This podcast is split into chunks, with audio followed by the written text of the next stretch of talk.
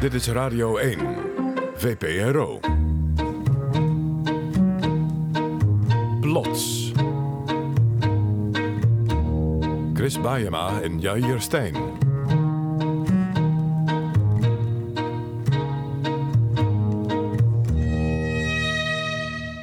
ברוך אתה אדוני אלוהינו מלך העולם המבדיל בין dit lijkt me een, een Joods lied, Jair.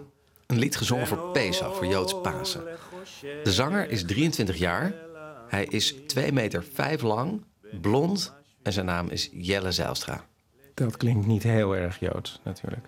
Dat zeg je, maar zijn oma zong vroeger wel Jiddische slaapliedjes. En dan zijn er nog allerlei familieverhalen. Mijn vader heeft bijvoorbeeld verteld dat zijn moeder, mijn oma, eh, hem heeft laten Heeft besnijden. ook verteld dat de buurtkinderen hem altijd eh, Moos noemden. En er is het verhaal dat er ooit een nichtje in onze familie is geboren en die wouden ze Sarah noemen. En dat mocht dan niet, want dat was een gevaarlijke naam. Jelle is 12 als hij hoort dat zijn vader Joods is. Maar omdat zijn moeder niet Joods is, Oh ja, is Jelle dat officieel eigenlijk want ook het niet. gaat via de lijn van de moeder. Precies. En toch gaat hij zich steeds meer identificeren met het Joodse volk en de Joodse religie. Op het moment dat ik bijvoorbeeld in, met voor het eerst naar shul ging, of naar de synagoge, was dat heel erg emotioneel. Dat, voel, dat, dat klopte heel erg.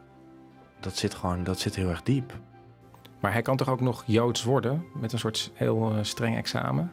Dat is ook wat hij wil gaan doen. En dat is inderdaad verschrikkelijk streng. Maar het wordt makkelijker als je kan aantonen dat je Joodse voorouders hebt. En daarom gaat Jelle eerst langs bij zijn vader. Maar die heeft geen officiële documenten die iets bewijzen. Hij doet stamboomonderzoek en kan niks vinden. En dan begint hij toch te twijfelen. Of er überhaupt wel iemand te vinden is, een voorouder die Joods is? Precies.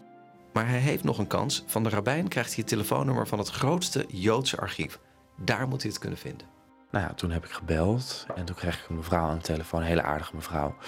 Eh, toen heb ik gewoon gezegd, nou, ik heb een paar namen, eh, kunt u die eens eh, intikken? Nou, dat heeft ze toen gedaan en toen dat duurde echt een minuut. En toen zei ze, nee, niks gevonden. en toen was het klaar. Maar zijn die, zijn die verhalen van die vader dan helemaal niet waar? Nou, dat vraagt Jelle zich natuurlijk ook af. Ik dacht, misschien heeft hij het wel gewoon verzonnen. Ehm, en dat is wat mijn moeder ook altijd heel erg zegt. Van, volgens mij heeft, eh, heeft papa gewoon een nieuwe identiteit aan willen nemen. Maar ja, vanwege al die familieverhalen blijft Jelle hopen dat het wel waar is. Het verhaal in mijn familie is dus dat er ergens een, eh, een Portugees-Joodse overgrootmoeder is. En het is nu dus de taak om die te gaan vinden. Dat verrekte mens. Hij geeft het gewoon echt niet op. Nee, sterker nog, hij heeft besloten als hij niks vindt, gaat hij toch gewoon door met waar hij mee bezig was. Ja, als ik over anderhalf jaar klaar ben met die cursus, dan ben ik gewoon Joods en dan, dan is het klaar. Dan is het officieel. Ja, dus dan wordt het waar. Ja. Dan wordt het waar, ondanks dat het misschien met een soort leugenachtig verhaal begonnen is. Je kan alles doen met leugens. Dit is plots. Met Wonderlijke ware verhalen rond één thema. En dat thema is halve waarheden. vier ware verhalen van leugenaars en hun slachtoffers.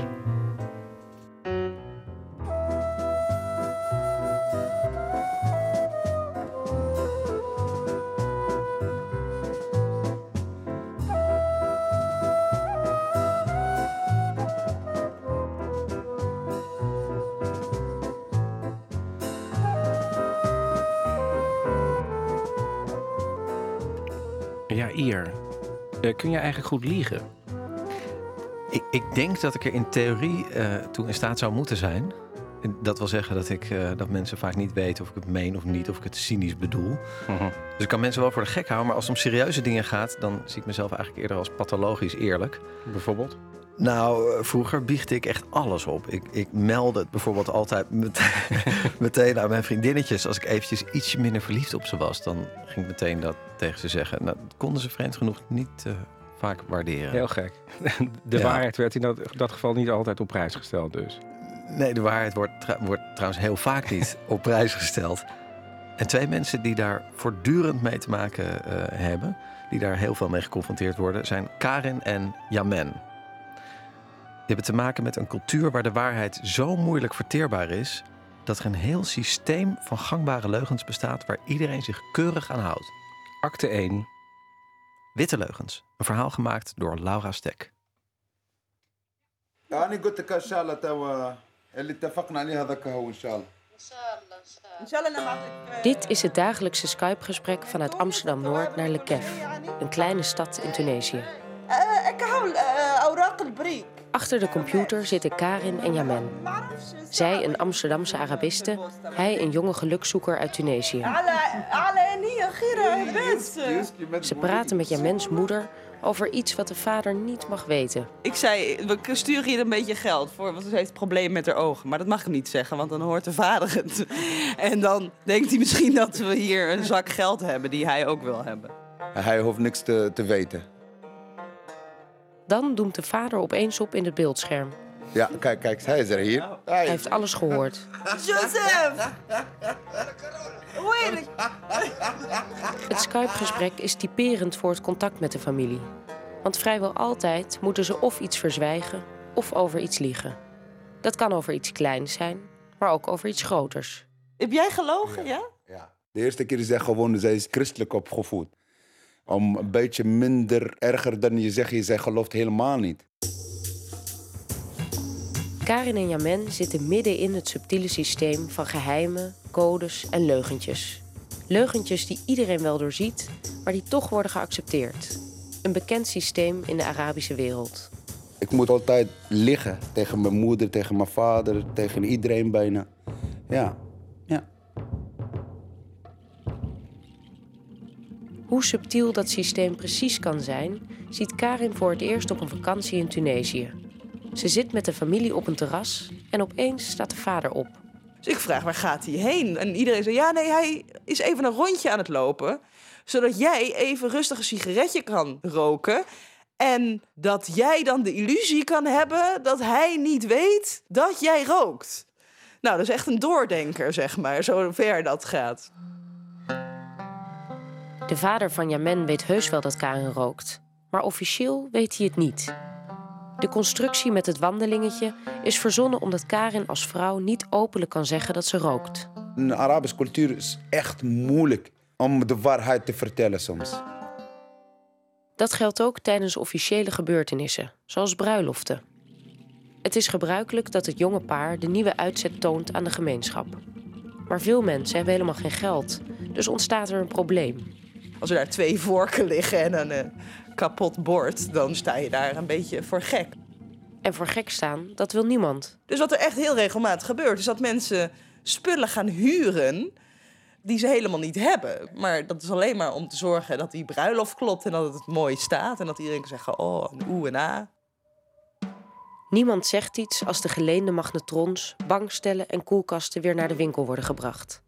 Want de zogenaamde witte leugens moeten kosten wat kost in stand worden gehouden. Je hebt leugens, kidba, en je hebt witte leugens, kidba beda. Leugentjes om best wil, zou je het in het Nederlands zeggen. Om makkelijk voor jezelf te maken, dan is zeggen, is een witte leugen. Dat bestaat niet eigenlijk. Maar als je zegt witte leugen, dan ga je lekker slapen. Karin en Yamen ontmoeten elkaar in Montpellier. Karin is dan 18 en doet een talencursus. Yamen is zonder papieren naar Frankrijk gekomen en werkt illegaal in de bouw. Het is een moeilijk leven. Dan wordt ja, ja, van alle kanten ja, geprofiteerd. Ik werk bijna 12 uur, 13 uur per dag, maar dan krijg ik 30 euro per dag. Ja, was echt moeilijk hoor. Moeilijke periode, ja. Nou, Yamen had in Tunesië dagelijks te maken met kleine leugentjes. Maar als illegaal in Frankrijk krijgt hij te maken met grote leugens. Als iemand de vraagt, ik zeg ja, ik heb papieren. Maar ja, dat heb ik niet. En als die uitkomen, heeft het vergaande consequenties. Ja, dan word ik naar Tunesië gestuurd. Dan krijgt Yamen een ernstig ongeluk tijdens een van zijn bouwactiviteiten. Maar zomaar naar een ziekenhuis, dat kan niet.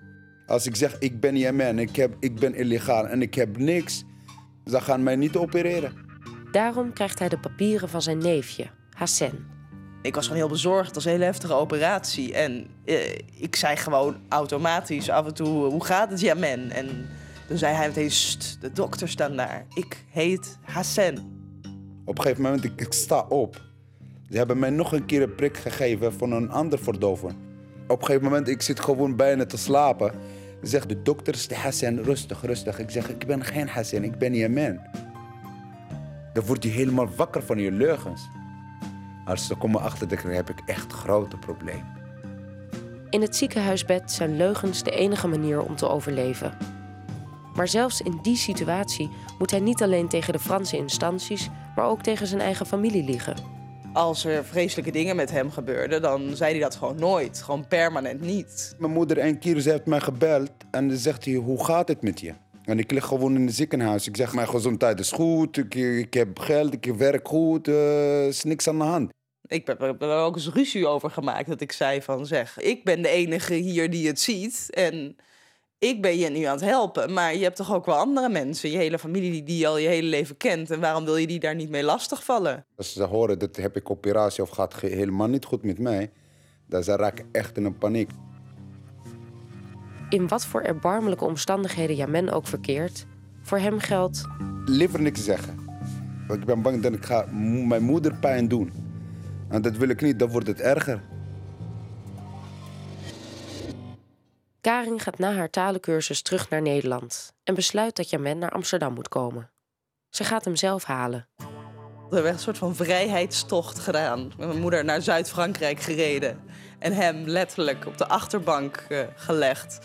Heeft, is hij steeds onder een dekentje gedoken. eh, als we zo'n grens overgingen. En dan was het, yes, België. nou ja, zo echt. Ja, eerlijk gezegd, dan wordt het een beetje spannend. Maar is gelukt. Is gelukt, ja. ja. Jamen is in Nederland. Maar dan begint het gevecht met de Immigratie- en Naturalisatiedienst, die Jamen een paspoort moet verstrekken. Er moet bewijs van hun liefde worden verzameld in een dossier. Maar voor de IND is de kale waarheid net niet genoeg. We zaten echt te zoeken en eh, te kijken van nou laat die brief met die vreselijke ruzie, laat die maar even zitten, weet je wel.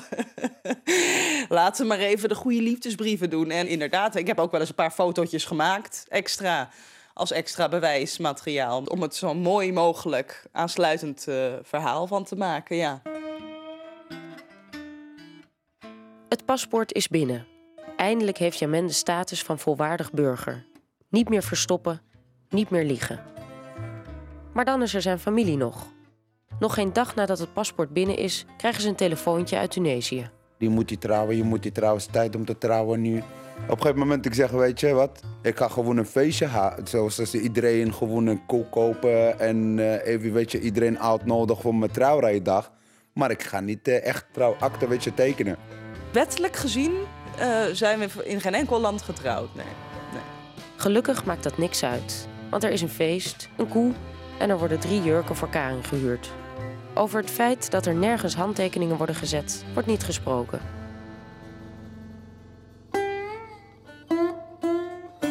Terug in Amsterdam Noord. Karin en Jamen zijn nog steeds aan het skypen. Naar de Bassin Ik ga even de camera draaien, want anders kan ik geen slokje bier nemen. Dat is disrespectvol.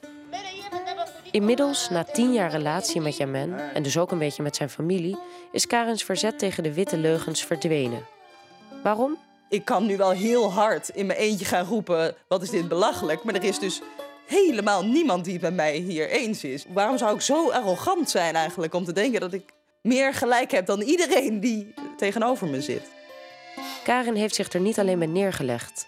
Ze ziet zelfs de goede kanten van het systeem. Het mooiste vind ik dat het voortkomt. De reden dat iedereen dat doet, is niet om lekker tegen elkaar te liegen, omdat ze bang zijn voor elkaar, maar om respect te tonen voor elkaar. Omdat ze mensen niet willen kwetsen, omdat ze voortdurend nadenken over hoe zal dat aankomen bij de ander. Als reden vind ik dat wel mooi. Dat is echt een etikette. Daarnaast is er natuurlijk nog een praktisch voordeel. Het is een cultuur van groot sociale controle. Dus als dat de situatie is, dan is het gewoon een manier om vrij te zijn om die leugentjes te vertellen. Als je, je maakt jezelf ontzettend moeilijk om maar de hele tijd te gaan roepen wie en wat je allemaal bent. Maar Jamen ziet het anders. Je wordt oud en ga je, weet je, meer denken. Dan zeg je, waarom eigenlijk? Wat is de reden om te liggen? Omdat hij in het Westen zoveel heeft moeten liegen en zijn identiteit verborgen heeft moeten houden, heeft hij een allergie ontwikkeld. Ik weet het niet. Ik ben persoonlijk op een gegeven moment, ik, voel me helemaal zat van. Dat ken ik niet meer. Ik moet me, weet je, mijn echt gezicht laten zien. Zelfs voor de leugens waar hij zelf mee grootgebracht is. Dat is de negatieve kant van een cultuur. Jamen zou er het liefst mee willen afrekenen. Maar of dat mogelijk is? Maar mijn vader, ik moet tegen hem liggen. Of een probleem. Eén van de twee. Of liggen of een probleem. Ah, wat zie je? Eh? Ja, wallahi.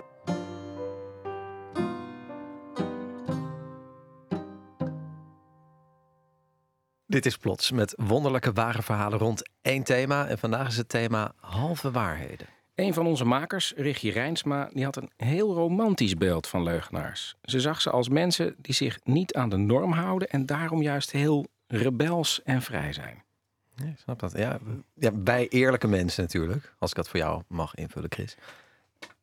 In zekere zin zitten wij natuurlijk een soort van gevangen. Te braaf, te weinig fantasie om te ontsnappen aan de saaie werkelijkheid. Dat was haar theorie, maar ze wilde weten hoe het echt zit. En dus zocht zij contact met een leugenaar om achter de waarheid te komen. Acte 2. Een angstaanjagend talent, geschreven en gelezen door Richtje Rijnsma.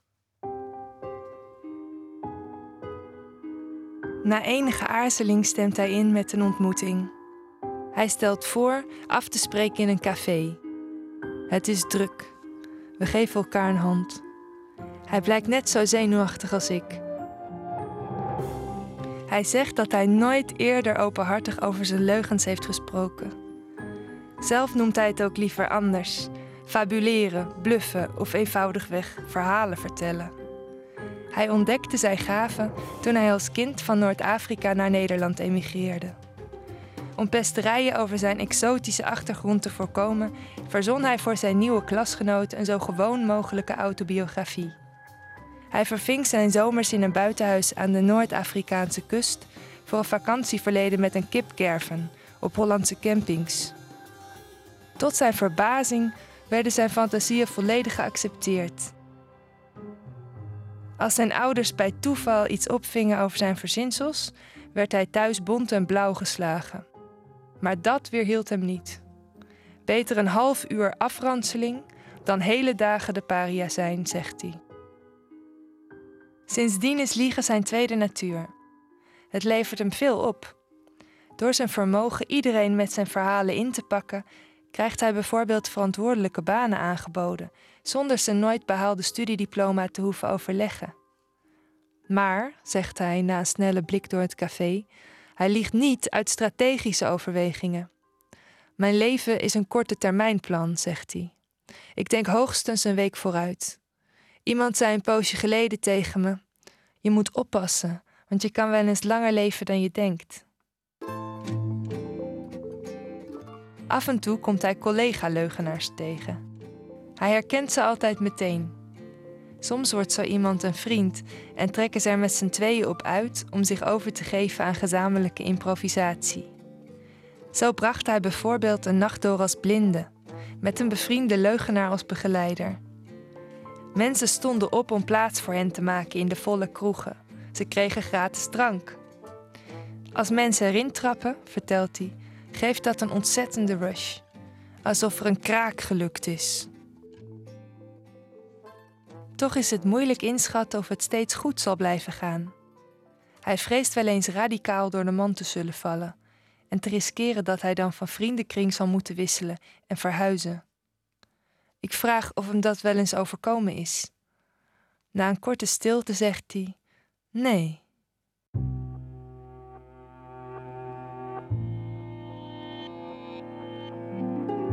Het is heel hard werken, zegt hij.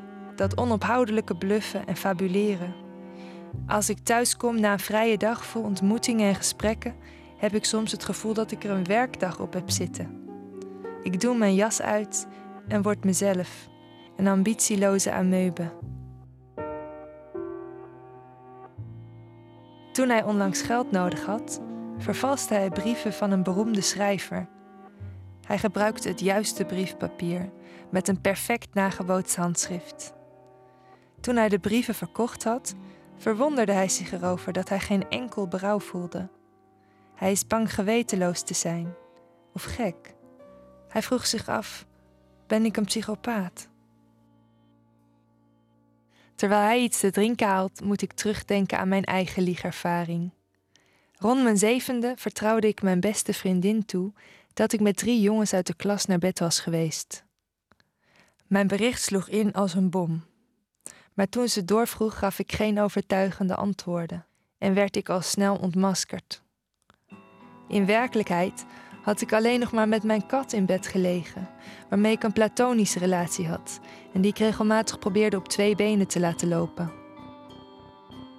Mijn vriendin maakte goed gebruik van haar ontdekking en bleef nog lang dreigen mijn leugen te verraden. Na deze ervaring verging me de lust tot liegen. Wie weet hoe het was gelopen als ik een beter verhaal had verzonnen. Misschien heeft mijn betrouwbaarheid meer te maken met mijn onvermogen om goed te liegen dan met mijn brave inborst. Anders dan de meesterleugenaar tegenover me, die juist wordt gegijzeld door zijn angstaanjagende talent. Hij neemt zich wekelijks voor te zullen stoppen met liegen, zegt hij, maar hij kan het niet laten. En dan kijk ik goed naar zijn gezicht. Hij ziet er niet erg exotisch uit. Hoe weet ik dat hij echt uit Noord-Afrika komt? Of dat hij is geslagen door zijn ouders? Waarom zou hij niet liegen over zijn leugens, om zichzelf te vermaken of mij te imponeren? Zo moeilijk kan dat voor een rasleugenaar niet zijn. Hij oogt een stuk minder gespannen als we ons gesprek beëindigen, maar ik ben verward. En waarschijnlijk voelt hij het haar fijn aan. Tot drie maal toe verzekert hij me dat hij niet immoreel is. Oordeel niet, zegt hij als we afscheid nemen buiten het café. Ik ben geen slecht mens.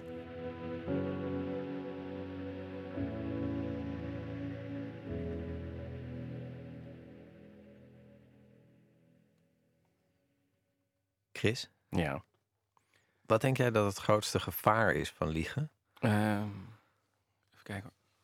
Vo- ehm, dat je, Nou, als- volgens als- mij als- dat je, het moet vol, je moet het vol, je moet het volhouden. Ja. ehm, volgens mij. Of, nou, ik denk, nee, ik denk gewoon dat, je, dat iemand het natuurlijk ontdekt. Dat uiteindelijk, Ja, maar deze jongen, dat je door de man deze valt. jongen ook bang dat je door de man valt. Dat je door de mand valt en, en al je vrienden kwijtraakt. Ja. Eh, Je zou het denken, eens soms ontstaan de problemen namelijk juist als eh, niemand achter je leugens komt. En als iedereen je op je woord gelooft. Dat geldt tenminste voor de situatie waar mijn goede vriend Geert in verzeild raakte. Geert zocht nieuw werk. Daar begint dit verhaal ongeveer. Acte 3. Het sollicitatiegesprek. Ik was al een tijdje, deed ik wel wat losse opdrachten, maar aan het interen op mijn geld, om het zo maar te zeggen. Dus toen ben ik eh, gaan kijken van, ja, in de krant, eh, op, op websites, van wat wordt er aangeboden op dit moment. Geert is begin 30 als hij op zoek gaat naar een nieuwe baan. In de krant valt zijn oog op een vacature. De advertentie was, Stedelijk Museum Den Bosch zoekt tentoonstellingmaker. En ik dacht van, eh, nou, leuk. Hij mag op gesprek komen. Ik ging er naartoe op uitnodiging voor die vacature. En ging toen weer weg met het gevoel van, dit moet ik niet doen. Geert voelt zich niet op zijn plek in het museum. Bovendien vindt hij Den Bosch te ver reizen. Maar hij heeft een goede indruk gemaakt en dus wordt hij uitgenodigd voor de tweede ronde. Daarvoor moet hij een complete tentoonstelling voorbereiden op papier. Volgens mij heb ik toen de telefoon erop gegooid en gedacht van, nou, dat zien we dan wel weer. En dan breekt de dag aan dat hij naar Den Bosch moet. Ja, toen... toen dacht ik, nou, weet je wat, ik, ik, ik verzin gewoon een, een soort smoes... waarvan ze denken van, nou, dat, dat is logisch dat je niet komt opdagen... En, en, ik, en dat ze ook niet zich een beetje geschoffeerd zouden voelen voor zo'n, door zo'n arrogante jongen uit Amsterdam. Die gewoon op de dag zelf gewoon opbelt en zegt van nee, ik vind dat museum toch niet interessant genoeg. Ik doe het niet. Dat vind ik zielig voor die mensen. Eigenlijk kwam het. Dus ik dacht, ik, ik verzin gewoon een, een smoes die, die ze denken, nou, hij heeft er alles aan gedaan, maar het is niet gelukt. En eh, nou, toch sympathiek van hem.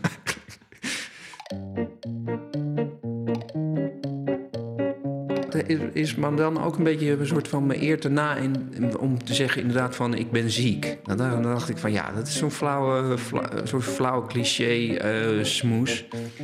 Ik dacht nee, ik, ik maak er dan ook wel gewoon wat van. En het is ook nog eens heel geloofwaardig. Ik dacht, ik zeg gewoon dat ik pannen heb met mijn auto. Dat was het idee. In werkelijkheid heeft Geert geen auto. Wel een fiets. En ik dacht, laat ik dat gewoon heel realistisch doen. Dus toen ben ik naar de ring gefietst. Zo dicht mogelijk tegen de reling van bij de, bij de snelweg gaan staan. En toen dat museum opgebeld. Geert hoopt op een kort gesprek. Maar de conversatie verloopt niet bepaald zoals hij had verwacht. Goed, ik kreeg dus de assistenten van de directeur aan de lijn. Die begon natuurlijk ook gelijk allemaal heel terecht. Allemaal vragen te stellen waar ik me helemaal niet op voorbereid had. Eh, wat voor auto heb je dan? En, eh, en wat, wat, wat is er aan de hand? Dus ja, ik, ik moest on spot allerlei dingen... welk kilometerpaaltje sta je? Welke weg sta je? Sta je dan op de A2, zei ze dan bijvoorbeeld. Ja, ja, dat zou heel goed kunnen. Maar dat kwam natuurlijk niet echt geloofwaardig over... als je met de auto ergens heen... je weet überhaupt niet op welke weg je zit.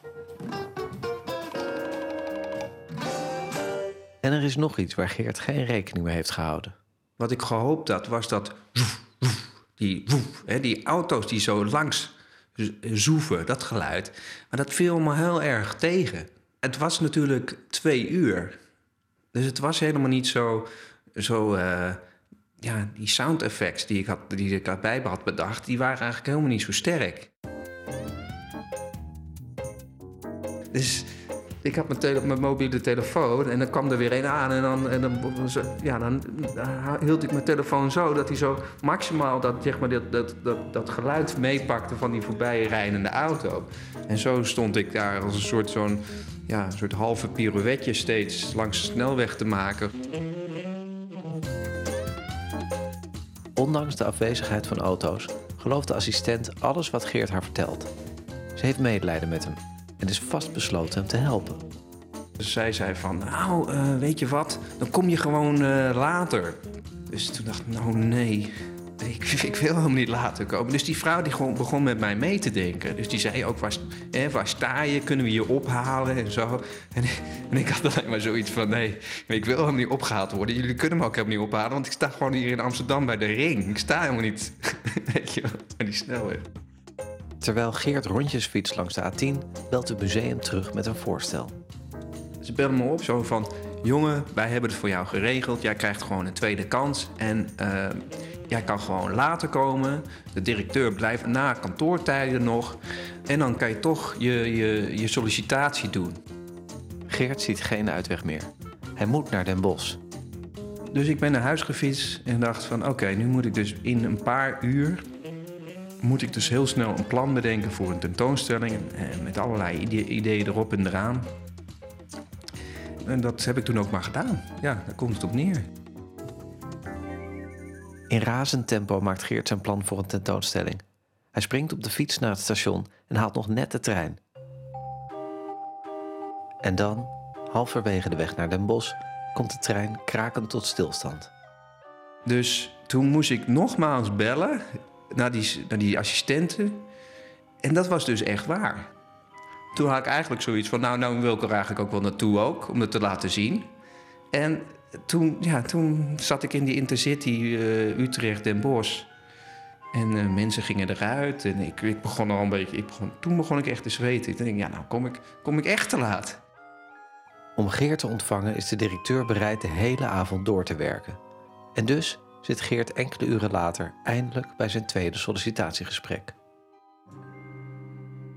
Toen vonden ze het ook wel een leuk concept, hoor, moet ik zeggen, hoe ik het gepresenteerde. En uh, hadden ook goede vragen en erover. En uh, uiteindelijk ben ik het niet geworden. Volgens mij heb ik gewoon een brief gekregen uiteindelijk met, uh, met zo'n tekst van uh, de kwaliteit van de deelnemers was hoog. Maar uiteindelijk hebben we gekozen voor iemand die het best aan het profiel uh, voldeed of zoiets. ja, dat is het.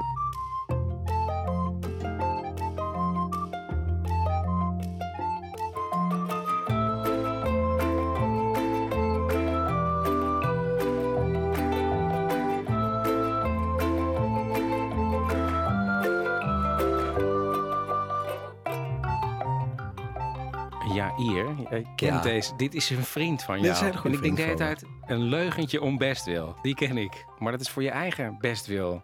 Nee, Waarom doet hij dit? Ik dit denk, is... dat, nee, ik denk dat heel veel mensen eh, dus niet liegen uit eigen belang. Die liegen om anderen niet voor het hoofd te stoten, om anderen niet te kwetsen. Nou, dat hoorde je ook in dat verhaal Oh, ja, ja, over, ja, over, over Tunesië. Het is gewoon heel sociaal gedrag om te liegen vaak. Ik weet niet of, of je zo ver hoeft te Nee, gaan als Geert, maar... Het is wel heel sociaal. Ja, dat, ik was gisteren op een trouwerij Ja. van een vriend van mij. En ik ontmoette daar mensen die ik een hele tijd niet gezien had. En iedereen die ik tegenkwam, ja Chris, leuk je te zien. En je ziet er heel goed uit. Dus nou, dat was heel, heel fijn. En ehm, op een gegeven moment wilde ik ook graag even met de moeder van de bruidegom spreken. Dat is nou ontzettend leuk mens. Altijd praatjes. Ja. Ontzettend mee gelachen. Maar die had ik ook al een hele tijd niet gezien. Dus naar al die mensen die het zo leuk vonden om mij te zien en zeiden: Chris, wat zie je er goed uit? Ik loop naar die vrouw. Ik zeg: nou, we- Weet u nog wie ik ben? Het eerste wat ze zegt: Ik herken je, maar vroeger was je veel dunner. Ik zeg: U bedoelt dat ik dik ben? Toen zei ze: Ja. Toen zeg ik: Nou, ik ben de eerste die het zegt. En al die andere mensen, die hebben dus niet de waarheid tegen mij gesproken. En wat waardeerde je dan meer?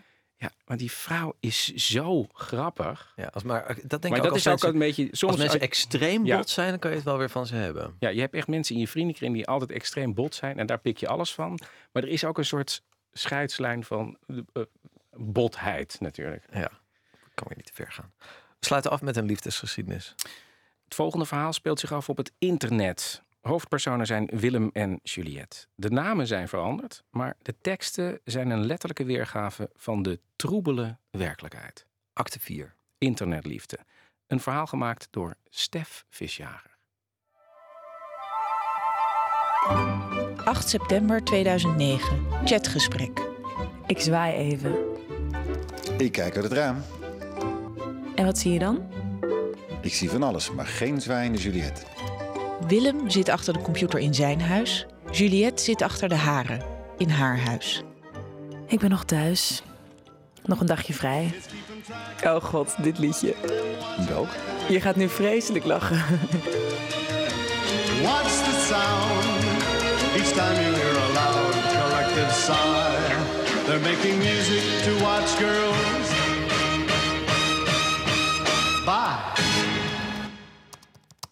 Ze hebben elkaar pas ontmoet. Op internet. Allerliefste Julie. E-mail 11 september.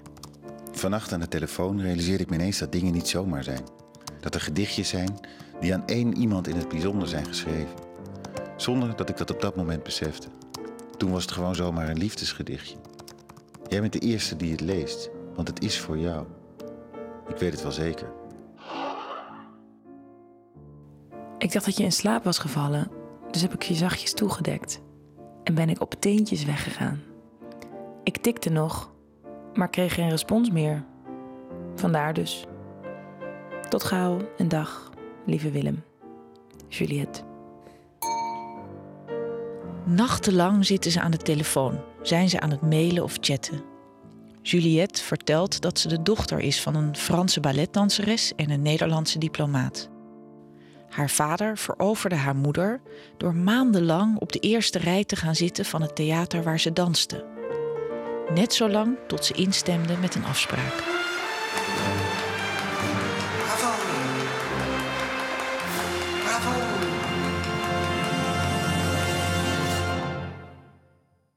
Dat soort ware liefde zoekt Juliette ook.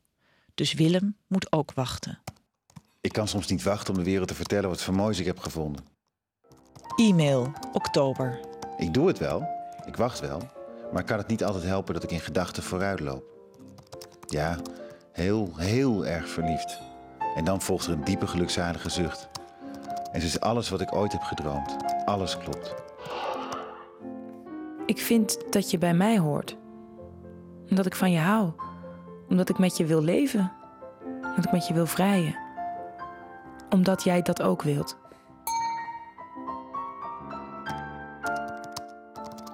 En dan zal ik vertellen over je stem, over je lach, over de manier waarop je de wereld kleur geeft en alles laat stralen. En er zijn ook een heleboel dingen die ik niet zal vertellen, omdat ze van ons zijn. Van jou, van mij. Ik ga nu slapen en van jou dromen. Een kus en een zachte streling. Jouw Julie. E-mail 27 oktober. Het spijt me dat ik zo deed vannacht aan de telefoon. Ik bedoelde het niet boos. Integendeel. Ik zeg het ook niet om je te pushen, maar soms heb ik het er erg moeilijk mee. Dat we elkaar nog altijd niet in levende lijf hebben gezien. En ik durf dat niet goed te zeggen, omdat ik weet dat je dan een stap terug zult willen doen. En dat zou ik echt vreselijk vinden. Dat wil ik echt niet. Ik hoop dat je dat begrijpt. Je zegt wel eens, vraag ik niet te veel van je. Nee, je vraagt veel van me, maar niet te veel. Want dan zou ik het niet doen. Dan zou ik niet op je wachten. Maar in alle eerlijkheid, ja, het valt me soms wel zwaar. Ik barst bijna uit elkaar van verlangen om je bij me te hebben. En niet alleen in mijn hoofd en in mijn hart, maar ook gewoon in het echt. Ik hoor bij jou en jij hoort bij mij. Ik kus je in gedachten.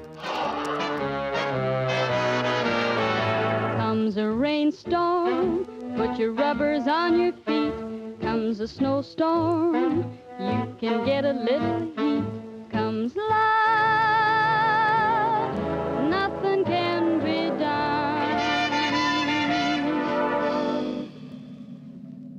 Juliette wil wachten met een afspraak. Ze vertelt dat de man met wie ze jarenlang samenwoonde en zou gaan trouwen, enkele maanden geleden is overleden. Ze is nog in de rouw. En daarbij zit ze in de laatste maanden van haar specialisatie als kinderarts. Hoe verliefd ze ook is, het kan nu niet. Een afspraak moet wachten. Begin december is Juliette jarig. Dan gaan ze elkaar zien. Dat belooft ze. 30 oktober, chatgesprek, MSN. Ik kus jou, lieve Willem. Ik kus jou terug, Julie. Al zegt iedereen, je moet rechts en jij staat links, dan ga ik links. Ik hoop toch wel dat de mensen in je omgeving het met je keuze eens zullen zijn. Iedereen, dat weet ik nu al. Ze zullen je allemaal in hun armen en in hun hart sluiten. Dat zou echt fijn zijn. Je past ertussen, geloof me maar. En je zult er een hele grote, rumoerige familie bij krijgen. Omdat Juliette opeens haar mobiel niet meer beantwoordt en Willem ongerust is, belt hij het ziekenhuis. Daar kent men geen Juliette op de afdeling kindergeneeskunde.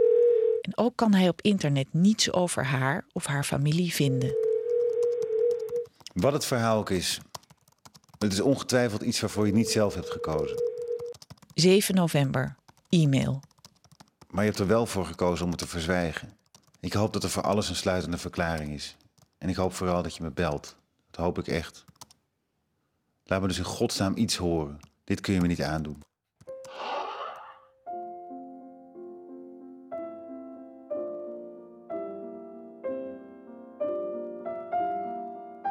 E-mail, 11 november. Ik breek mijn hoofd over wie je zou kunnen zijn. Ik ben benieuwd met wie ik urenlange telefoongesprekken had. Met wie ik urenlang zat te MSN'en. Wie je ook bent, je hebt me gekwetst. En je kunt het goed maken, maar daar zou ik dan niet al te lang mee wachten. Willem.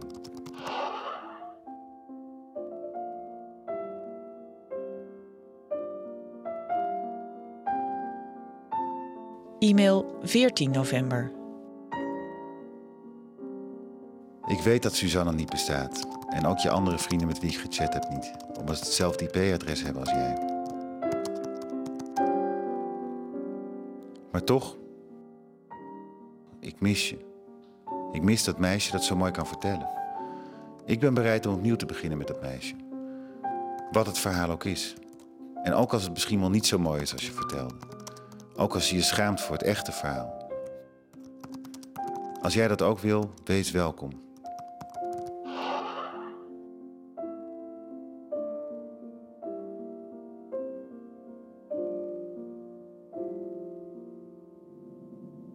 De telefoon van Juliette is afgesloten. En zelfs een detective die Willem inschakelt, kan niet traceren om wie het gaat.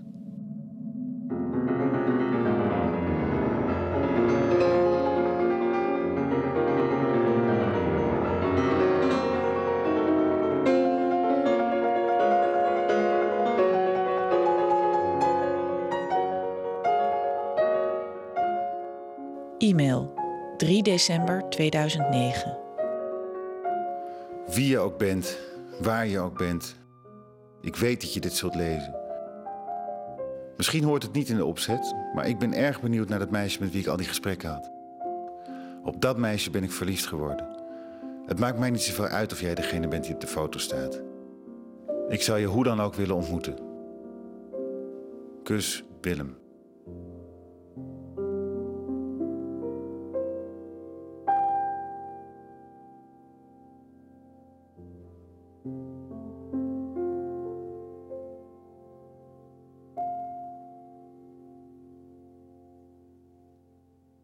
Stemmen die u hoorde zijn van Jochem Visjager en Anna Drijver. Plots werd gemaakt door Katinka Beer, Chris Baeyema, Bente Hamel, Esma Linneman, Jitske Musche, Jennifer Patterson, Jair Stijn, Laura Stek, Stef Visjager. En zij maakten ook de opnames met Jelle, de jongen die Joods gaat worden, helemaal aan het begin van de uitzending. productie Sharon de Vries. En techniek was in handen van Alfred Koster. Plots wordt mede mogelijk gemaakt door het Mediafonds. Op onze website kunt u al onze verhalen vinden, ook van eerdere afleveringen. En belangrijk, u kunt er ook lid worden van de Plots podcast. vpro.nl slash plots. En we wachten ook op uw verhaal. Heeft u een bijzonder ontregelende ervaring die te maken heeft met vriendschappen, uw beste vriend of vriendin of misschien een hele vriendengroep? Mail ons plots.vpro.nl. Straks Bureau Buitenland met Harm Ede Botje. En volgende week is hier verhalenprogramma Instituut Itzerda. Volgende maand zijn we hier weer met een nieuwe plots. En u begint nu al te mailen en te sms'en. We zijn er weer op 27 mei. Met een aflevering geheel gewijd aan de wonderlijke avonturen van één gezin. De familie Omerovic. Blijf sms'en.